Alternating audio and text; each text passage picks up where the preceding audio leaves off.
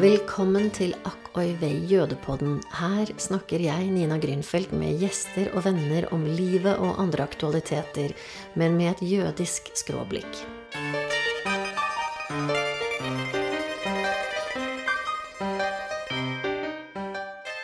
Hvorfor er det ingen jødiske karakterer med i TV-serien Borgen, spør Monica og jeg i denne episoden av Akk oi vei jødepodden.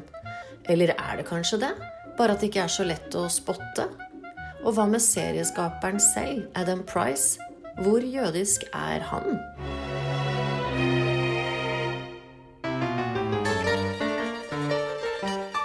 Så eh, Monica, Ja.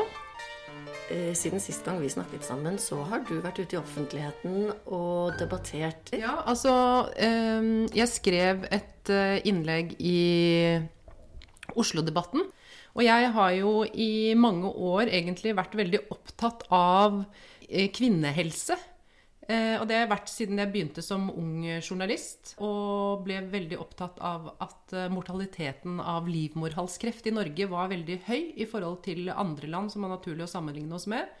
Og siden da så har jeg, enten jeg har vært journalist eller ikke, hatt som hobby å lese om kvinnehelse. Eh, og fordi eh, jeg selv har bikket 50, så har det vært naturlig å sette seg litt inn i kunnskapen som handler om kvinnens overgangsalder. Og jeg mener jo det at eh, overgangsalderen eh, Jeg skal ikke gå så langt som å si at det er et av vår tids siste tabu, men overgangsalderen er noe som ikke blir adressert i offentligheten i det hele tatt. Eh, og når den først gjør det, som den har blitt i TV-serien Borgen, så skulle jeg gjerne se at Birgitte Nyborg, som nå har fått stilling som utenriksminister, ikke fremstilles som en hylende kvinne som må føne seg under armene og drikke seg altfor full og kaste opp i mahognibøtter fordi hun ikke får det som hun vil. Fordi at det, er dessverre den stereotypiseringen jeg opplever når jeg har sett igjennom Borgen. Og da resulterte jo det i at du ble invitert på Dags 18. Ja da. Så vi hadde jo egentlig håpet kanskje at du skulle møte selveste Adam Price, eller Adam Prise, som du sier selv. Men Ja. det ble ikke det. Det ble Hege Ulstein fra Dagsavisen. Ja, det gjorde det. Og det ble en veldig fin debatt. Altså, Hege har jo selv eh, skrevet TV-serier, og hun kjenner jo godt til eh, både hvordan man forteller gode historier og bruker dramaturgi i fiksjon. Så jeg syns at det ble en eh, fin debatt. Men jeg hadde jo selvfølgelig lyst til at Adam Prise selv skulle være der. Men eh, i vår diskusjon så handlet det mer om hvordan hun så på saken versus hvordan jeg så på saken. Og nå har jeg også lyst til å legge til at jeg har fulgt med på eh, dansk film og TV siden Jeg holdt på å si en neve stor, det er ikke helt rett, men siden jeg var i slutten av 20-årene, Mm. hvor jeg også jobbet som kultur- og filmjournalist i TV 2-nyhetene. Så det er vel knapt den danske TV-serier produsert på slutten av 90-tallet og 2000-tallet som jeg ikke har sett. Og jeg har gjennom årene også intervjuet veldig mange av skuespillerne som er med i de forskjellige seriene. Så jeg, jeg en Jeg er nok over snittet opptatt av eh, hva som skjer i Danmark på, på film- og TV-siden. Og så er jo begge vi to vi jobber jo innenfor audiovisuelle medier, som heter så fint. Jeg har jo til og med gått på den danske filmskole. eh, Så jeg tror begge to egentlig har et forhold til Danmark. Og det har jo de fleste som er opptatt av TV-drama og film i Norden, kanskje også i verden, kan vi si, er jo opptatt av danskene. Fordi de har fått til mye både med sine dogmefilmer. Thomas eh, Winterberg fikk Oscar i fjor. Så danskene har jo markert seg. Ja, også- og, ja, så de er sånn Ja. De setter litt standard både på spillefilm og på TV-serier. Ja, og så, og så var jeg så heldig at jeg da, eh, de årene jeg jobbet som filmjournalist, fikk møte liksom virkelig de store navnene, som du sier, som Thomas Winterberg. Jeg intervjuet Lars von Trier ved et par anledninger. Ja, jeg syns det er spennende å se både hva som rører seg på en måte i film- og TV-verden, men også så syns jeg det er spennende å sammenligne Norge og Danmark, og hvordan vi tilnærmer oss forskjellige problemstillinger. Jeg syns det var interessant å lese dine kommentarer. øh, Og jeg følger dem ganske langt. øh, Men jeg er nok ikke helt enig med deg. Øh, For meg så var nok Birgitte Nyborg, eller er da i serien For det første var det veldig hyggelig å se henne igjen, fordi det var mange år siden sist. Øh, Og jeg brakte jo med meg inn i serien en kjærlighet til henne som de forrige sesongene hadde bygget opp. Jeg prøvde å spørre meg selv hvordan ville jeg hatt det med denne maktsyke klimakteriekvinnen hvis jeg ikke hadde sett de foregående sesongene. Fordi eh, da hadde jeg kanskje ikke hatt den graden av sympati med henne, da. Men ellers så handler nok serien for meg aller mest egentlig om makt. Og at også kvinner kan bli maktkorrumperte, som hun jo blir. Inntil hun helt til slutt tar en, en, noen nye valg, da. Men hun går jo bokstavelig talt over lik over sønnen sin og familien og alle sammen. Men hun er jo råproff. Ja, hun skriker og gnåler og har mistet temperamentkontroll, som de aller fleste menn jeg kjenner, gjør. Før, under og etter klimakteriet. Så for meg så syns jeg egentlig at serien var ganske interessant. Det største problemet for meg, Monica, du og jeg, vi snakker jo jødepodden, det er jo at det er jo ingen jøder med i serien. Og nå lurte jeg veldig på når kommer dette poenget? og der kom det. Og, og, vi har jo faktisk eh, Dette var såpass problematisk for oss at vi har nå dypdykket ned i Adam Prise sin bakgrunnshistorie, fordi at mm. vi har en mistanke om at han er jødisk. Ja. Prise det kunne jo veldig lett vært en fordansking av Priskovits, f.eks. altså, det er jo det jøder fra øst gjør. ikke sant? De for, forengelsker og fornorsker og fordansker sine navn. Adam er jo veldig jødisk. Ja, det er, det er et jødisk urnavn. Det betyr mann, rett og slett. Ja, det gjør det. Ha, det eller det betyr, hvis vi skal liksom gå ned i, liksom, eh, i roten til ordet, så ja. er det Etymologien. Ja, etymologi Vær så god. Etymologien. Adam betyr jord, altså fra, fra jorden. Ah, nettopp. Mm, ja. ja. Eh, det er virkelig et urnavn. Mm. Eh, og jeg prøvde forskjellige søkekombinasjoner på Google, fordi at jeg ville jo veldig gjerne ha med meg det til deg i poden, at Adam Prise er jødisk. Ja. Og det er han ikke. Men, Nei. han sier selv i et intervju at han har en jødisk onkel. onkel. Ah, ah. Det, men det, hvordan henger dette på greip? Altså, Hvis du har en jødisk onkel, så har du sannsynligvis også enten en jødisk far eller mor. Og da blir du jødisk. Og da blir du jødisk. Så, så jeg må grave mer i det. Altså, Det jeg tror, er egentlig Det kan jo være en inngiftet onkel, da, kanskje? Jo da. Men, men da Vi tror ikke det. Nei. Nei. Det er nok en linje rett på. Ja. Så, så, vi skal nå eh, Hvis han ikke er jødisk, så må vi konvertere han. Ja. Ikke sant? Og da tenker jeg, Det neste spørsmålet for meg, da, som jeg syns også er litt interessant, og som egentlig løfter det kanskje litt ut av Borgen Vi skal jo snakke mer om Borgen. Men det er spørsmålet fins det en jødisk berøringsangst i nordisk film? Altså, Den første jeg klarer å tenke på som har med seg tydelig jødisk karakter, det er Bergman, faktisk. I Fanny Alexander så har du jo Erland Josefssons rolle som denne dukkemakeren, som er denne litt magiske skikkelsen, ikke sant?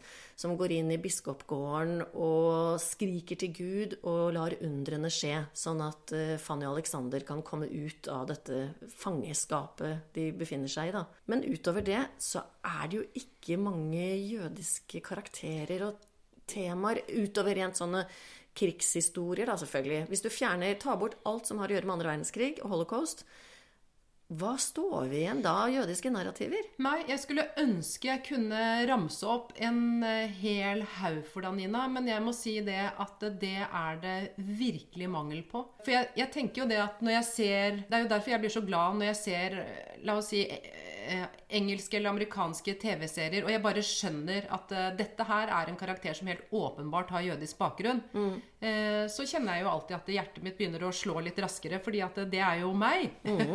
Ikke sant? men, men, Vi vil gjerne finne oss selv i nordiske fortellinger. Ja, og jeg tenker jo det at med det tror jeg faktisk er et slags savn. Og hvis vi skal gå i litteraturen, ikke sant, så er det jo også noen, noen utfordringer. At de få jødiske skikkelsene som er beskrevet, er jo altså La oss si Hamsun, f.eks., er jo beskrevet på en ikke spesielt uh, uh, hyggelig måte. Mm. Så uh, jeg må, må, jo utfordre de som lager film nå, til ikke bare å lage krigshistorie, men faktisk inkludere noen karakterer med jødisk bakgrunn. For jeg tror det hadde gitt et veldig spennende perspektiv på fortellingene. Ja, og så tenker jeg at Hvis du går til dansk samtid og dansk moderne historie, så har jøder gjort seg veldig gjeldende. Alt fra Georg Brandes og forlagsvirksomheten og opp til Melkjord, som var en aktiv politiker. Eh, og det finnes mange flere navn også. Så spesielt i Danmark så har jøder faktisk vært en, en, en, vesentlig del av offentligheten. Ja, og for de som ikke vet det, nesten hver eneste danske jøde ble reddet under annen verdenskrig. Jeg så faktisk akkurat de tallene, for jeg leste en artikkel. Altså 7000 jøder ble reddet fra Danmark til Sverige i høsten, altså på høsten 1943. Ca. underkant av 500 ble tatt og sendt til Theresienstadt. De ble ikke sendt til Auschwitz, og det Theresienstadt var en, en leir det var lettere å overleve i. De ble jo tatt senere, og dermed hadde de også større mulighet til å kunne overleve, for det var ikke så lang tid igjen av krigen å lide. Og 58 tror jeg omkom i Theresienstadt. For jeg minnes et utsagn som jeg mener kom da fra far til nåværende dronning, som var noe sånt noe at de er også mine. Altså, et, det ble sagt noe sånt noe, da, med at de er, de er også danske. Ja, kong Kristian skal visstnok ha sagt noe sånt. Ja. Eh, Jeg tror at det, er blitt, at det er litt en myte, okay. men kanskje han sa noe lignende. Ja, Men da trillet vi til holocaust igjen, da, Monica. Ja, og det, det gjør vi jo hver gang. Men skal vi trille tilbake til Vi må, Borgen? vi må nok det. Anno 2022. Ja. Ja. Jeg opplever nok at både i Danmark og i Sverige, faktisk altså i, Nå er vi i samtiden. Så synes jeg stadig jeg ser jødiske eh, politikere, jødiske eh, musikere, skuespillere, alt mulig. Det er egentlig mest i Norge at eh, ikke man ser så veldig mange jøder som en del av offentligheten. Ja, og det har nok litt en naturlig forklaring at vi er enda færre her enn de andre stedene. Da er jeg litt sånn nysgjerrig på, er det en berøringsangst der? Er det fordi man er redd for å tråkke noen på tærne? Eh, er det noe med at vi lever i en sånn veldig woke-tid hvor man ikke skal drive med kulturell appropriasjon, som det heter så fint? Altså, føler kanskje skaperne selv at de ikke har kompetansen til å kunne si og gjøre noe om det? Det er for betent, og de jødene som er til stede og bidrar på innholdssiden, Syns de selv at det er vanskelig å stikke hodet frem og kreve å ta en plass? Altså det er, Jeg fornemmer som sagt en slags sånn berøringsangst da, som kanskje har en kompleks eh, forklaring. Jeg, jeg tror vel at det er sånn som med alt mulig annet, at hvis de historiene skal fortelles, så må vi skrive og lage dem selv. Det tror jeg du har rett i. Da tror jeg vi må kanskje skrive og lage dem selv. Ja, Eller i hvert fall for å si det sånn, da. Hvis vi tar en norsk film sånn som eh, Den største forbrytelsen. Da, jeg ikke, da triller jeg ikke tilbake til holocaust, for det er det den handler om. Men hvis du ser hvem som har skrevet og laget den, så er det jo Marte Michelets bok, ikke jødisk. Og så er det norske produsenter som ikke er jødiske, og det er en regissør som heller ikke er jødisk. De har alle sammen gjort en fantastisk jobb. Eh, forklaringen her er kanskje at eh, det er som sagt få jøder å ta av. Men det fins faktisk jøder i filmbransjen også. eh, Og regissører utover både deg og meg. Men det er jo ikke de som kommer frem og lager det. Tør de ikke selv? Eh, Er de ikke ansett for å være gode nok, kanskje? Jeg fornemmer som sagt at det ligger en, eh, en berøringsangst der. Og jeg sier det også ut ifra at eh, jeg tenker selv at det fins så mange spennende historier å fortelle. Da, og så mange spennende karakterer man kan beskrive. På samme måte som vi er ganske flinke nå til å lage filmer om andre minoritetsgrupper. Ja. Og deres eh, eksistensielle utfordringer. Men de har måttet ta skjeen i sin egen hånd, så man må jo egentlig bare oppfordre de som har jødisk opphav her i Norge, til å skrive og fremme sine egne historier og søke om midler eh, og utvikle Altså start med en kortfilm og fortsett derfra, og plutselig så er det en spillefilm. Før du vet ordet av det. Fordi jeg tror faktisk at uh, Nå har jo både du og jeg skrevet noen bøker som rent tematisk tenker jeg kunne helt fint egne seg på det store lerretet. Så jeg tenker at jeg hadde vært ekstremt positiv dersom noen kom til meg og sa at de hadde lyst til å utvikle et teaterstykke av det jeg har laget, eller lage en film av det. Mm. Så det finnes etter hvert ganske mange historier der ute som egner seg for eh, det, det store lerretet, og også scener. En annen ting som jeg tenkte på med Borgen, da. eh, For meg så handler den som sagt nok aller mest kanskje om makt og misbruk av makt. Men noe som også jeg mener at danskene har hatt en stor grad av berøringsangst eh, ved, det er jo metoo. Altså I Sverige og Norge så kom den i hva da, 2017. Og det kom jo med full brak. Og i Danmark så kom den for et år eller to siden, da en av disse store danske komikerne reiste seg opp under en TV-sending og var konferansier, og virkelig adresserte det en gang for alle. Jeg har jo kollegaer som er danske, og som både kvinner og menn, og som egentlig dypest sett syns at det hele er sikke vrøvl, som de sier. Ja. Det bærer sikke vrøvl. Ja, for de syns at metoo er noe vrøvl. Mm. Ja, de syns egentlig det. Og de syns at denne politiske korrektheten avstedkommer masse problemer som gjør at man må ta masse hensyn, istedenfor bare alltid gå for den beste. Eh, Jeg syns jo det er interessant at de fremdeles står der. Og jeg tenker at også i denne serien så kan man si indirekte at den tematiserer metoo, fordi metoo også er maktmisbruk. Men da tenker jeg nei, det gjør den faktisk ikke. Og det syns jeg også er interessant hvis Adam Prise i denne serien har en så gyllen mulighet til å si noe om maktmisbruk i dag, anno 2022. Hvordan kan han da klare å gå så forbi, totalt forbi metoo? Altså, Jeg så også bare overskriftene på et intervju hvor det sto at eh, mange har trodd at Adam Prise er synsk fordi at han har faktisk klart da å legge inn problematikk knyttet til Ukraina i eh, den første episoden av Borgen. Men eh, jeg tror ikke jeg kan si noe annet enn at da eh, Adam Prise er eh, mann. Eh, der er verdensproblemer eh, større og viktigere for han enn metoo. Men eh, det hadde vært en gyllen mulighet. Men for å få dette inn i serien altså det jo, Men det jo, når det er sagt, så så er det jo tunge produsentnavn inne i denne produksjonen som er kvinner.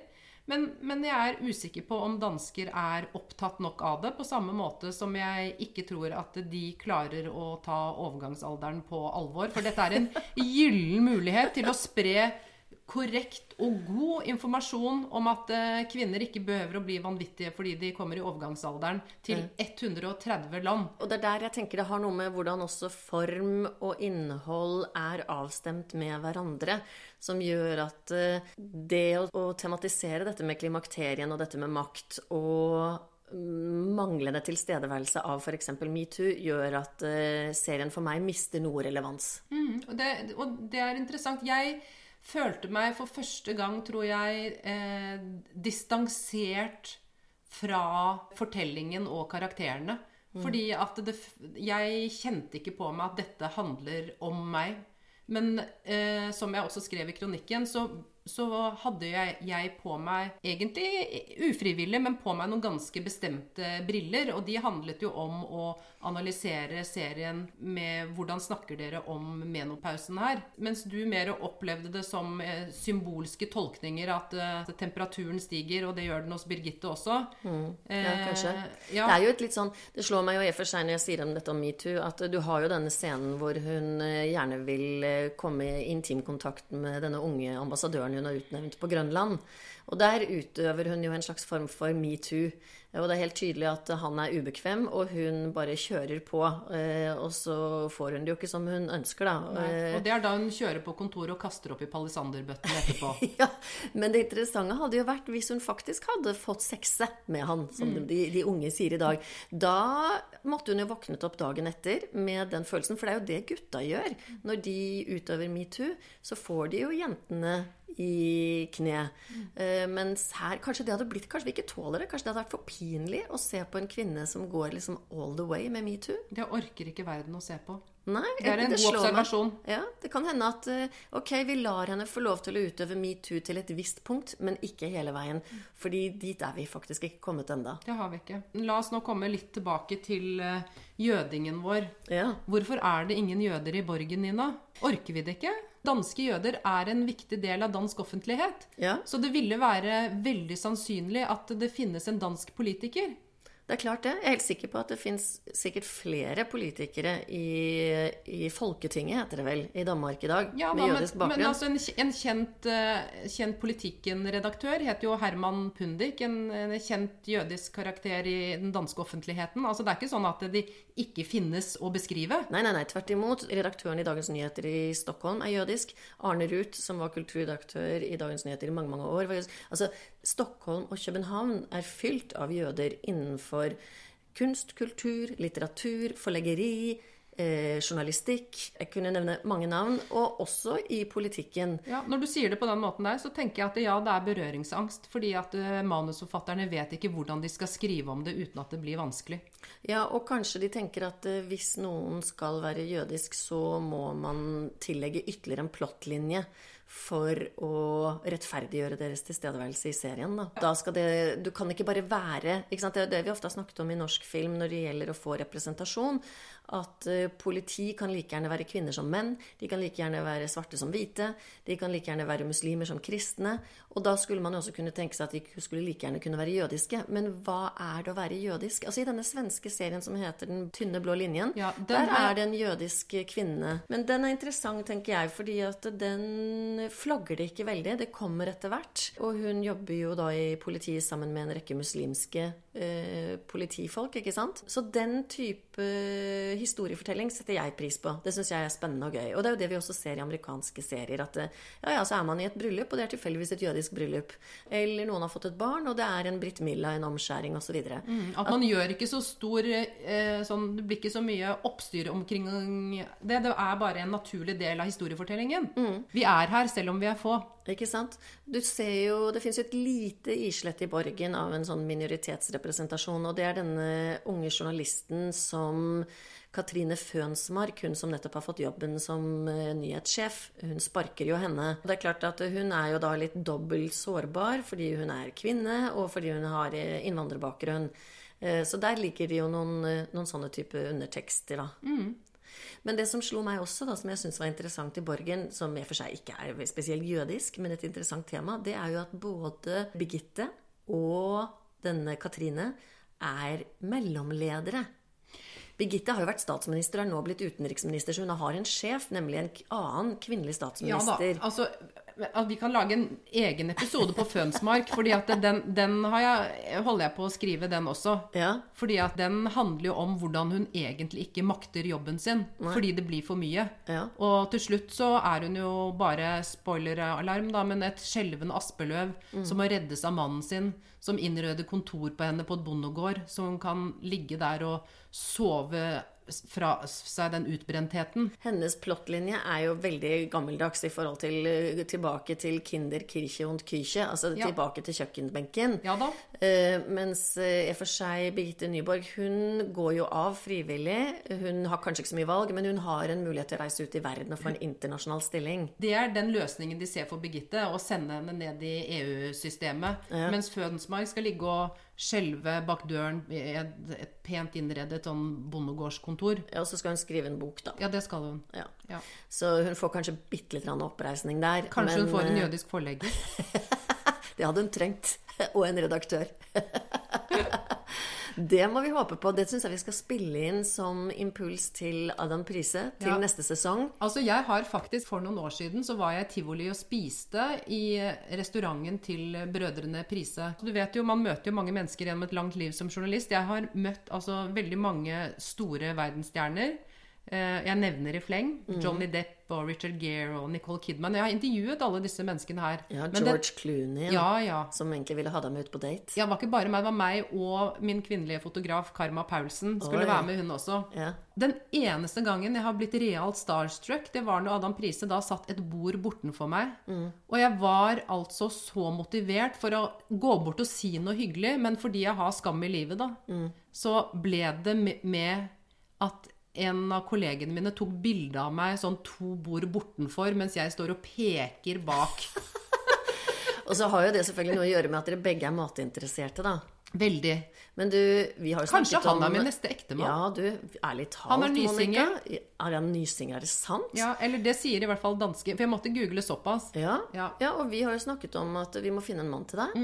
Men du, vi har noen gode tips til Adams neste sesong. De syns jeg du skal overbringe. Vi kan til og med invitere han til podden. Ja, det hadde vært fantastisk. Ja, og Altså, høre hva han syns om våre innspill. han burde Og kanskje kan det bli starten på, om ikke en kjærlighetshistorie, så en long friendship. Ja, og Or Jew business. Jew business Ja, av den jødiske onkelen så er han med i klubben nå. Ja.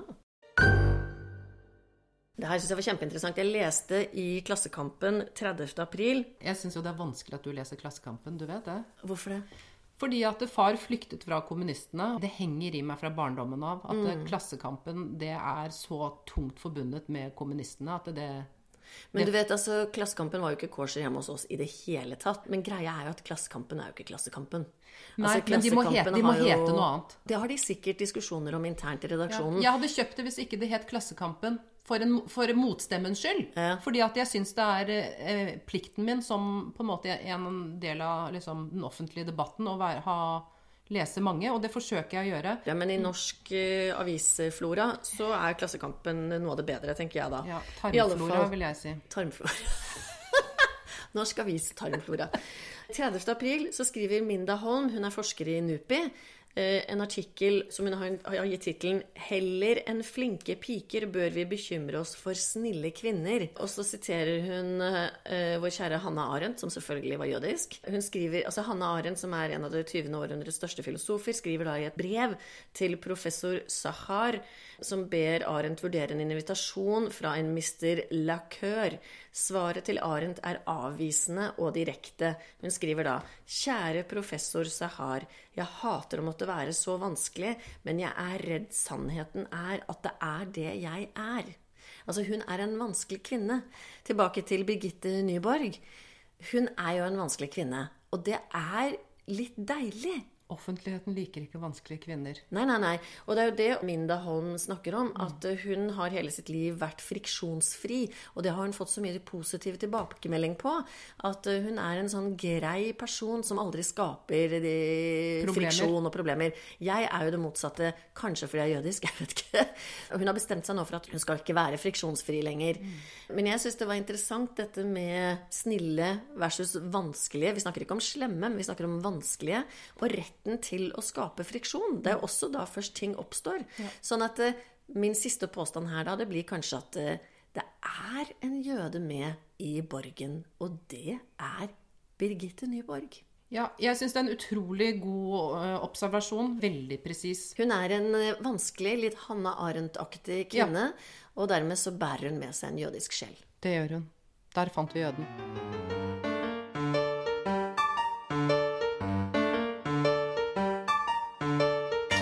Takk for at du lyttet til Akk og Ivei jødepodden, som er støttet av stiftelsen Fritt Ord. Musikken du hørte, er laget av Jens Wendelboe.